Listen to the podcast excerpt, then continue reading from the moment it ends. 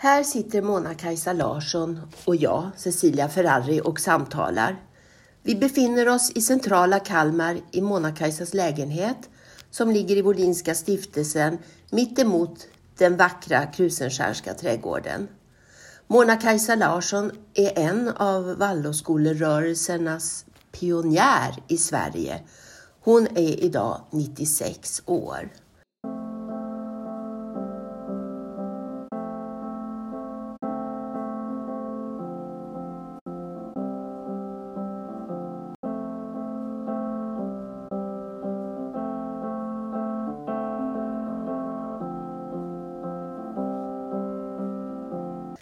Mona-Kajsa, din entusiasm och övertygande handlingskraft har spritt sig som ringar på vattnet genom Waldorfskolerörelsen. Först var du klasslärare på Kristofferskolan, sen grundare av Martinskolan, Söders Waldorfskola i Hökarängen. Och med de erfarenheterna du där gjorde så växte en vision fram hos dig om en folkhögskola. Och den skulle ha stark betoning på hantverk och konstnärliga ämnen men den skulle vara belägen på en biodynamisk gård.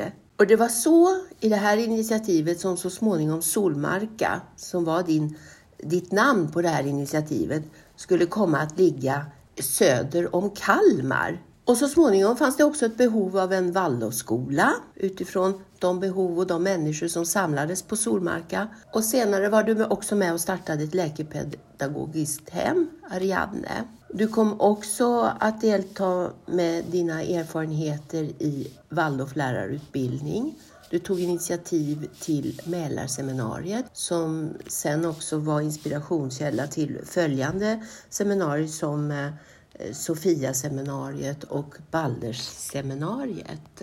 Men nu ska vi samtala här om hur allting började. Och i en intervju som jag gjorde med dig i en artikel 2009 på väg så inledde du med att säga att allt går om man vill. Allt är möjligt. det fanns liksom en dold agenda för mitt liv. Och hur kom du, hur kom du först i kontakt med Waldorfpedagogiken, Mona-Kajsa?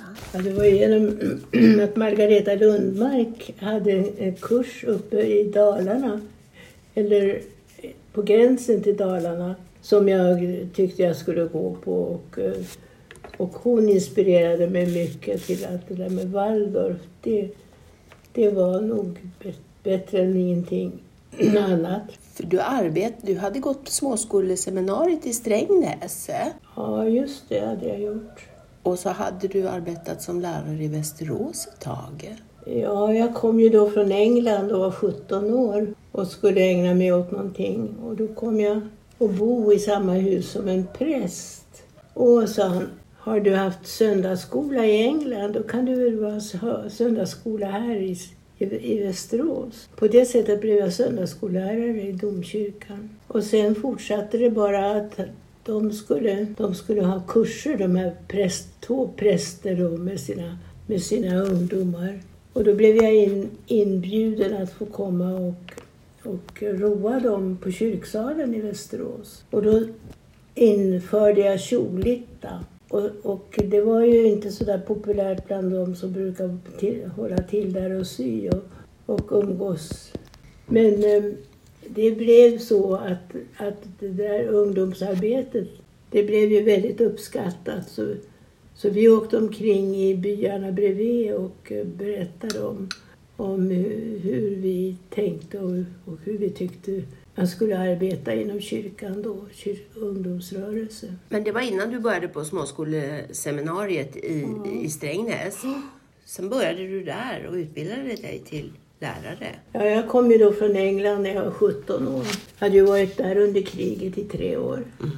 Och sen gjorde vi då strandhugg i byarna och städerna i, omkring Västerås. Och, och det blev ett, ett stort gehör för mina idéer om hur det skulle gå till med ungdomsarbetet. Men vad var det som fick dig att bestämma dig att gå på småskoleseminariet sen i Strängnäs? Ja, sen så tog det väl då så tyckte de att jag skulle utbilda mig till lärare. Ja. De här folket då i kyrkan. Mm. Och sen åkte jag till, till ett seminarium Mm. och det hette Sigtuna. Ja, Sigtuna stiftelsen. Ja, Var det det var bredvid stiftelsen så Ja. var det kyrkan hade, hade ett eh, hem där, ett studiehem kan man säga. Just det. Där man kunde gå och utbilda sig till någonting. Jaha. Och där gick jag då ett år. Och sen var vi en hel grupp ifrån Västerås som sökte in till seminariet i Strängnäs och Falun. För sen när du kom tillbaka och var utbildad så berättade du att du tog en tjänst i Västerås sen 1950 och då hade du många funderingar kring att du tyckte att skolan var i kris och att du ville söka nya grepp, Ja, nya vägar kanske man ska säga. ja, nya vägar. Då så tänkte jag att Erika-stiftelsen kanske skulle vara bra att gå på. Och så åkte jag till Erika-stiftelsen och det var ju det var ju en rätt så stor upplevelse hur man, hur man i barnens, eh, ända in i det inre kunde, kunde se och eh, till och med avgöra liksom vägen framåt. Hur man skulle, hur man skulle hj- hjälpa barn framåt. Mm. Du, jobbade, du kom i ko- kontakt med sandlådeterapi bland annat. Ja, just det. Jag kunde sitta där och, och eh, observera innanför en glasruta högt upp under taket hur barnen lekte i sandlådan. Och eh, hur det tyddes av terapeuten då. Och du skrev en uppsats, kommer du ihåg att den, vad den hette? Fantasiprocessen hos barn. Ja, just det. Och då kunde man ju se, följa och se hur deras fantasi i sandlådan, hur den, hur den gestaltade sig och hur, hur barnet förkovrade sig så att säga. Eller hur, hur de kunde utvecklas genom den där sand, sandterapin. Och det var en upplevelse att se hur förändring på, på barn. Att eh, terapeuten kunde hjälpa barnet att hitta en väg. Första gången du hörde talas om Waldorfpedagogik, det var på den här utbildningen. Jag tänker på din rektor där, han Eh, Gestrin, han hade varit och sett en utställning i marmorhallarna som han berättade om, om hur eh, eh, matematikundervisningen gick till på en Waldorfskola. För du berättade också om att när du kom tillbaka till Västerås sen så skulle de öppna en, en skola på, på barnkliniken där och att du blev involverad i det arbetet. Ja, de, de riktade sig väl inte in för att det skulle bli en skola utan, utan de ville göra barnen friska genom den här sandlådeterapin. Mm. Men så var jag ju också in, intresserad utav, utav eh, Waldorfskolans metoder och så åkte jag till en kurs uppe i Dalarna där, han, där Margareta Lundmark hade, hade föredrag och berättade om Rudolf Steiners väg för barnen. Och det tog skruv alltså. Du ville starta en, en Waldorfskola i Västerås tillsammans med intresserade föräldrar och eh, lärare. Ja, men då hade jag väl varit i England på, på seminariet där. Ja, det var, väl, det var väl du hade en bra skolchef som sa att om du åker till England och utbildar dig Ja. så kan du starta skolan när du kommer tillbaka. Ja, ungefär så. Så, och eh, det var väl så också du hade en son som du gärna ville skulle kunna börja i en Waldorfskola. Jag kommer ihåg att jag, jag fick ett, tips att ringa till eh, Pirko och Hans Möller. Ja, För de hade varit på seminarium i England. ja. Och då så ty tyckte de att det kunde ju vara en väg för mig då. Så att jag åkte ju till seminariet i England och gick där. Då hade Per blivit fyra år och då tog jag honom med mig dit. Så var det vid ett tillfälle som konstnärerna hade något möte och jag satt på en bänk långt därifrån och så såg jag på den andra sidan bänken så satt en kvinna med fläta, lång fläta på ryggen. Och henne hade jag ju då inte sett. Så då gick jag fram till henne medan, medan de där herrarna stod där nere på golvet och pratade. Och frågade vad hon, vem hon var. Och då var det Margareta ifrån, ja Margareta Fjälling hette hon i alla fall. Så sa jag, men vad ska du göra då i höst? Ja, det visste hon inte riktigt sådär. Och då så sa jag, men du skulle kunna följa med mig till England och, och sen på dagen där, därpå så ringde hon och sa du, jag följer med dig. Och då hade det blivit en liten, en liten snurra på tråden då med, man, med mannen som hon, som hon tänkte förena sig med. Så vi åkte då Klara i hågen till England och gick på seminariet där. Och hon vaktade Per åt mig. Och sen kom du tillbaka hem då, men då blev det ingen Waldorfskola i Västerås utan du blev tillfrågad att komma till Kristofferskolan. Kommer du ihåg hur det, hur det hände sig?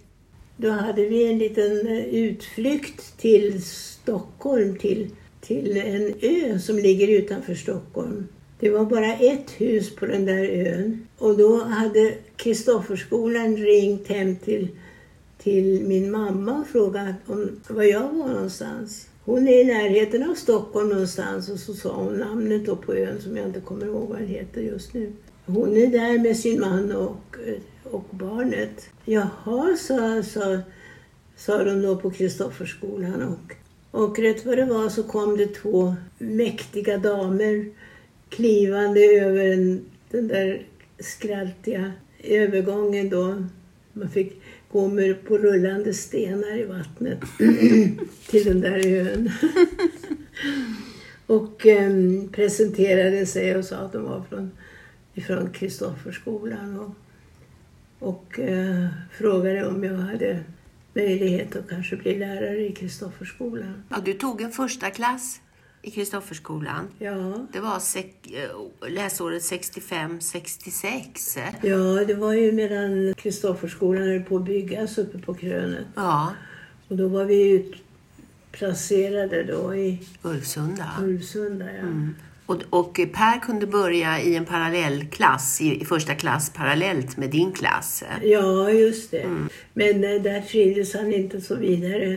Så var det en lärare som sa att Hördu, Per kan inte gå där nere inne i stan, för det var inne i stan då. Mm. Du får, får nog ta, ta honom hit till Bromma. Så han gick i din klass sen då? Vad sa du? Han gick i din klass? Ja, då så... Nej, då skulle han ju då gå i klassen ovanför den jag hade. Ja. Sen fortsatte du som lärare i Kristofferskolan ett tag, men i en av dina klasser så kom det ett barn med stora behov. Det var Martin som var döv. Ja, just det. Och, det var ju då den här kvinnan som hade besökt mig då på den där ön. Hon hade eh, blivit kontaktad av mamman då. Mm. Till det här barnet. Mm. Och då hade hon sagt, du kan fråga Mona-Kajsa, hon kanske kan ta pojken i sin klass. Mm. mm. Och eftersom jag då inte kände varken mamman eller pojken så, så lät jag ju det bero lite grann och skulle se, titta på honom då först. Mm. Och då var jag hem till, till Susanne och tittade på den där pojken. det var Susanne Ahlgren, ja, son Martin ja. Mm. Och då bodde de ju mitt emot den, den gamla Waldorfskolan inne i stan. Mm. Ja, men sen blev det väl så att, äh, att jag sa ja till att han, han skulle få gå i min klass tillsammans med mamman. Mm.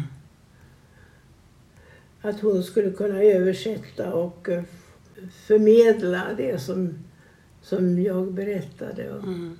Mm. Ja, men han, han trivdes i det där och äh, hur mycket han fattade av det hela, det är svårt att säga. För han var ju döv. Och under tiden så var ju skolan då på, uppe på höjden på Marklandsbacken var klar och ni flyttade in där. Ja. Och så småningom så flyttade även Martin och alltså ni flyttade ut till Bromma. Och, och där startade du en piratskola. Kan du berätta lite om piratskolan? I Susannes, var det i Susannes garage eller hur var det? Ja, nej, det var i Susannes hus. För att hon åkte sen med Martin till Norge. Mm. Där han fick då lite bättre hjälp än man kunde ge honom i Sverige. Mm. Så att då upplät hon sitt, sitt hus i Bromma. Ja. Och då fick vi ju tillgång till hela huset. Så var det. Och Pirko Möller lagade, lagade jättegoda soppor och, och vi satt framför en brasa som precis hade blivit färdig innan Susanne flyttade för hennes man och Susanne separerade ju. Mm. Och då satt vi framför den där brasan och stickade får. Vet jag du berättade att länsskolnämndens tjänstemän kom dit också. Ja, just det. Och det var ju ett litet, eh, litet eh, kök som Pirko då hade till förfogande att laga den där maten. Och så gick han in bakom disken och böjde sig ner och tittade ut genom fönstret. Ja, men så här skulle ju alla barn ha det. Vad fint. Men, så det blev ju inte någon, någon eh, resultat av den där anmälan. Men du fick ju tillstånd. Men hur kom det sig att du kände behov av att starta ett, e, ett, ett annat initiativ? Det var väl så att um, de här barnen som hade lite konstigheter då, sådana som Martin, mm. de fick ju inte plats i vanliga Waldorfskolor. Utan, men det fanns ju ute i Järna då mm. möjligheter för de barnen. Mm. Så tänkte vi, det var väl rätt mycket med mamman då till Martin, att man skulle ju kunna förena det ena med det andra mm. i en skola. Mm. Så att man skulle lära sig förstå varandra. Mm. Och på det sättet så bildades Martin en inspiration till att det skulle kunna förenas under ett och samma tak. Mm. Med eh, möjligheter för sådana barn att få, få vara under samma tak som vanliga barn. Och där lades grunden till Martinskolan, Söders ja, Waldorfskola som eh, sen kom att ligga i Hökarängen. Just det. Berätta hur ni hamnade i Hökarängen. Och då var det en förälder där som var starkt eh, drivande som gjorde att, att vi fick eh, tillstånd till att göra en sån skola. Men de som gick där i Hökarängsskolan de fick ju en ny skola lite längre in i samhället och vi fick överta deras skola. Mm. Så vi var ju inte så där väldigt väl sedda utav dem som fick lov att flytta ut för att vi skulle få plats. Men det, det gick ju rätt så bra så småningom. Så vi hade väl rätt så bra där ute. Med alla stödinsatser som gjordes då från, från när och fjärran. Och, och vi sökte pengar och fick hjälp med det. Och... Du hade ju en, en vision där att du ville ha en modell med, eh, med lillklasser eller inskolningsklasser. Ja. Hur fungerade det? Ja, att de skulle få gå tillsammans i samma skola men, men då i olika klasser. Mm. För att inte isolera de här barnen då. Mm. Som, som var lite avvikande och så. Mm. Mm. Utan man skulle kunna känna en gemenskap, att vi de gör det här tillsammans. De hade en klasstillhörighet, men sen hade de möjlighet att vara i en mindre grupp som var ändå integrerad i den stora klassen. Så ja, var väl tanken en, från början? Till en, till en del var det väl så. Mm. Vi, men vi, vi hade ju en intagning och såg om de skulle gå i en, en sån klass eller inte. Mm. Och vi behövde ju ha folk som förstod sig på sådana där barn. För så småningom blev det ju rena läkepedagogiska klasser som startade upp också. Det blev ett nytt initiativ inom ramen ja, för Martinskolan. Ja, mm. just det. Mm. Då blev det ju mer segregerat så att eh, de fick en egen avdelning på skolan att eh, vara, mm. att vara hemma på. Mm. Men det blev ändå integrerat så att de var ju ute och lekte på skolgården och vi åt i matsalen tillsammans. Mm. Ja, men det var ju en process att uh, försöka att få människor att förstå sig på att de där barnen behövde ha, ha någon slags närvaro av det vanliga, det vanliga livet. Mm. Mm. Och vad förstår jag uh, efter min egen tid på Martinskolan att föräldrarnas delaktighet och engagemang var en, en nödvändighet ja, det för det här eh, i sjösättandet av det här projektet. Mm, mm. Jo, det var det ju. Och det byggde ju väldigt mycket på vad föräldrarna åstadkom. Och det var några, några föräldrar som var drivande då och um, ledande i det där arbetet. Och, ja, det beror ju på människor allting, alltså hur, mm. hur det gestaltar sig. Och också förståelse för pedagogiken. Ja, så det var ju också väldigt viktigt att, att vi försökte och berätta vad den där pedagogiken handlade om. Mm. Och, och, vad det var egentligen som gjorde att, att man kunde både acceptera och samarbeta. Med varandra. Och du berättade att många av de pionjärföräldrarna blev ju senare Waldorflärare också. Ja, just det. Mm, du. Det vanliga var ju att man separerade barnen och sköt dem i ett helt annat ställe, mm. eller hur? Mm. Och jag tyckte att det var ju viktigt att de var tillsammans och fick mm. mötas. Mm. mm. Men det, det, kan ju hända att det skrämde en del. En del barn som levde ut sina, sin frustration. ja, det kan ju vara lite påfrestande. Sen kan man ju undra hur du hamnade här i Kalmar av alla ställen. Och det hänger ju ihop med den här visionen som du hade att utifrån de erfarenheter du hade gjort så fanns det ett stort behov av någonting annat, det vill säga en folkskolerörelse som eh, vände sig till lite äldre elever. Eh, där du pratade om att Eh, konst och eh, praktiskt arbete skulle förenas på ett biodynamiskt jordbruk. Och där hade ni ju samlats, du hade en grupp och hade gjort en stiftelse också som så småningom som hette Solmarkastiftelsen. Mm. Och eh, kan du berätta om hur det blev just att ni hamnade i Kalmar? För jag vet att ni hade en lista med fyra möjliga gårdar ute i landet där inte Kalmar var medtagen. Men det var ju ett fantastiskt ögonblick som skedde där på Robygge. Ja, just det. ja, vi var väl ute för att leta efter någonstans där vi skulle kunna lägga Solmarka. Mm. Vi var ju till Örebro och besökte Kristinas mamma där. Kristina mm. Johannessons mm. mamma. Mm. Och eh, för det talades om att hon var en, en ivrare just för biodynamiskt jordbruk. Mm. Och, och, och, så packade vi in oss i den där lilla blå, blå eh, bilen då hade.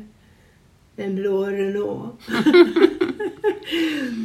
och sen åkte vi till Örebro och eh, skulle besöka den där kvinnan då som ivrade för ett biodynamiskt jordbruk. Och eh, så hade hon en liten täppa som var, ja det var väl kanske halva det här rummet eller en del av det här rummet så här, som hon odlade på. Mm. Och sen för, ut, för övrigt då utanför henne så var det bara vanlig odling då, sån här konstgödslad odling och vi såg oss omkring där och tänkte det här som har talats så mycket om. Sen kom ju Kristinas mamma och Bo eh, flytta till, till Arby. Så småningom, ja. Ja, ja med tiden. Mm. Men, men vad jag förstod så var det verkligen en ödesfråga när Hugo befann sig där på Robygge just och då var det en av dina gamla elever som sa Ja men Hugo har ju ett jordbruk söder om Kalmar. För där hade det ju tagits ett initiativ redan i början av 70-talet utav de här ungdomarna. Det var Annika och det var Hugo som var storbondebarn där. Men de hade gått på Kapellagården och i Järna och hade börjat starta, starta upp ett initiativ. Ja, men vi sökte faktiskt både i Norge och nere i, i södra, södra Sverige någonstans. Mm där det talades om att man odlade biodynamiskt. Mm. Det gav inte någon frukt. I Söderköping var vi också mm. faktiskt. Mm. Där var det ett par stycken som alldeles nere vid kanalen mm. Som uh, odlade biodynamiskt. Men det var ju bara sån där liten hem, hemtäppa så att mm. säga. Mm. Ja, med tiden så förstod, förstod jag väl att, att man måste nog ta ett större grepp om det hela. Och, uh, en av mina elever då hade varit på, på jordbruksprao nere i, i Kalmar och träffat Hugo. Mm. Och, och då så när vi var, vi var till Järna då samlade, hade samlat ihop en del entusiaster då. Satt där på serveringen. Och då så sa den busigaste eleven i min klass Men titta, där sitter ju Hugo. Han, han har ju en gård nere i Småland. och då så satt Hugo på kaféet lite längre bort. Och så sa, sa vi, ja, att men, gå och hämta Hugo och be honom komma hit och berätta om det. Och han sprang och bad Hugo komma. Ja, men det skulle ju vara som en födelsedagspresent, sa Hugo och satte sig ner och berättade då om det här i Kalmar. Och hans, han hade fått en del av sin fars gård att eh, gestalta då på ett sätt som han, som han ville och förstod och ville pröva. Och då hade Hugo varit på någon slags hälsoresa. Så att han var ju, var ju liksom lite konvalescent då. Och då bjöd Klara honom ut till Nötö, där jag hade ett ställe. Hyrde ett ställe, Klara Stenius. gammalt rökeri. ja. Mm. Och, ehm, och så kom, kom de då med båten farande ifrån, ifrån Åbo in i hamnen. Och så när Klara hade någonting och hon skulle berätta då så brukade hon gå ut på sin klippa och vifta med en handduk. Och det betydde att hon hade något att berätta. Mm. Så då tog jag roddbåten, en roddbåt som vi hade fått av en tant där ute på någon ö. Och rodde över och, och då så fanns Hugo där. Och så satt vi i, i solnedgången och Hugo berättade hur man gör ost på Ja. ett biodynamiskt Ja, sätt. vad fint. och solen gick ner i havet. Och det verkligen en eh, bild som man kommer ihåg. Och då tänkte jag, men det, det skulle väl vara bra. Mm. Och satsa lite besvär på. För det var ju en del människor som hade börjat eh, dra sig till eh, Arby som, som då så småningom kom att kallas för Solmarka efter din, efter ditt, din stiftelse. Eh, unga människor som ville odla biodynamiskt. Och, och, och eh, 84-85, då hade du friår från Martinskolan. Och då åkte du ner och var på so- det som nu heter Solmarka hela året. Och där fanns en eh, småskolärarinna, Gudrun Gratte, Ja. som var också bodde i granngården med Hugo och Annikas gårdar. ja, det berodde på att jag skulle hospitera hos henne. Ja. Och då förstod jag då att, att hon, hon hörde till, till det där området där, där Solmarka fanns. Och, så att det var, var naturligt att jag sökte mig dit då, även med den pedagogiska idén. Och försökte och eh, få henne att förstå sig på det pedagogiska i undervisning och så. Så jag fick ju då ta hand om klassen ibland och berätta och, och undervisa. Och hon, eh, ja, hon fick det bekostat av kommunen faktiskt.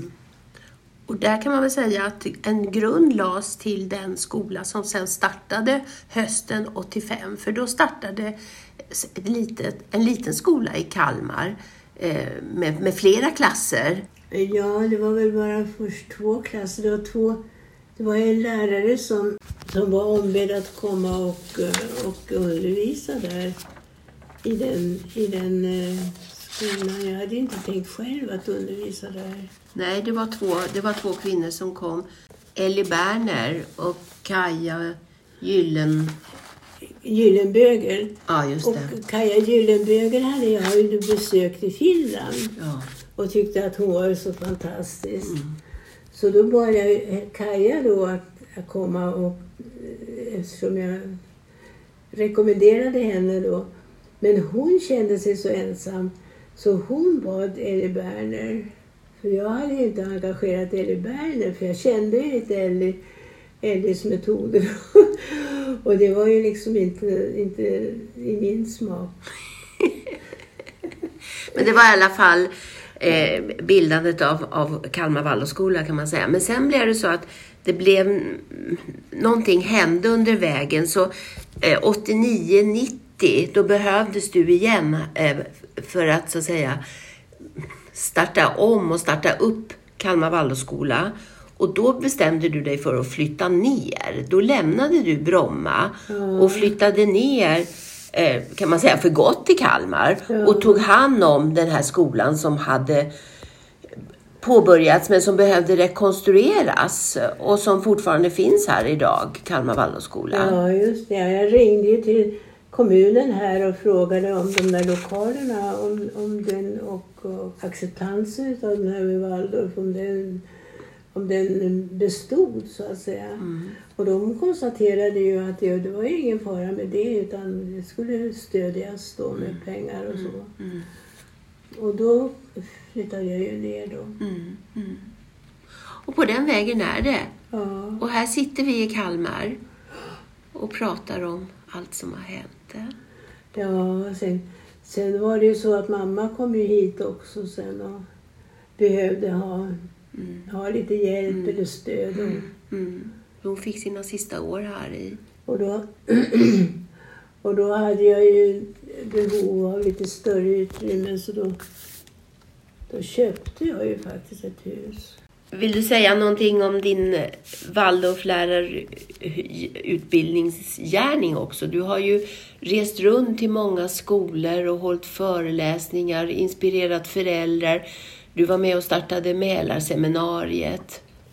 Jag var ju så entusiastisk och trodde verkligen på, på den här, det här sättet att undervisa och, eh, och öppenheten för det som är var avvikande och, och överhuvudtaget på kursplanen. Jag tyckte det var utmärkt. För att den kursplanen den stämmer ju inte riktigt överens med, med den vanliga då. Men sen ändrade de faktiskt eh, kursplanen under tiden jag var i Kalmar. På riksnivå då. Så att eh, innan jag åkte ner sen så ringde jag faktiskt till, till kommunen här och eh, förvissade mig om att eh, de stödde den där idén. Och fick då ett väldigt positivt svar. Att eh, de såg att det var, var viktigt att det fanns en Waldorfskola här. Sen flyttade ju den in, in till stan då, till stället där du är nu. Ifrån Smedby till in till stan. Ja. Och eh, vi har ju ett litet gymnasium också kvar här ute. Men om man skulle sammanfatta din lärargärning, Mona-Kajsa, så har den sociala impulsen varit, har genomsyrat din lärargärning. Och du har framför allt velat se till de barn och tillgodose de barn som har särskilda behov och som behöver extra omsorg. Ja, kan man säga. All- Alla barn. Oberoende av, av förstånd och intellekt och så. Och det var ju så som Martinskolan förhöll sig också till barnen. Sankt Martin, Sankt Martin. ja, så det... Som delar sin mantel med de behövande. Ja, just det. Tack Mona-Kajsa, vi avslutar med den. Ja, ja. Tack!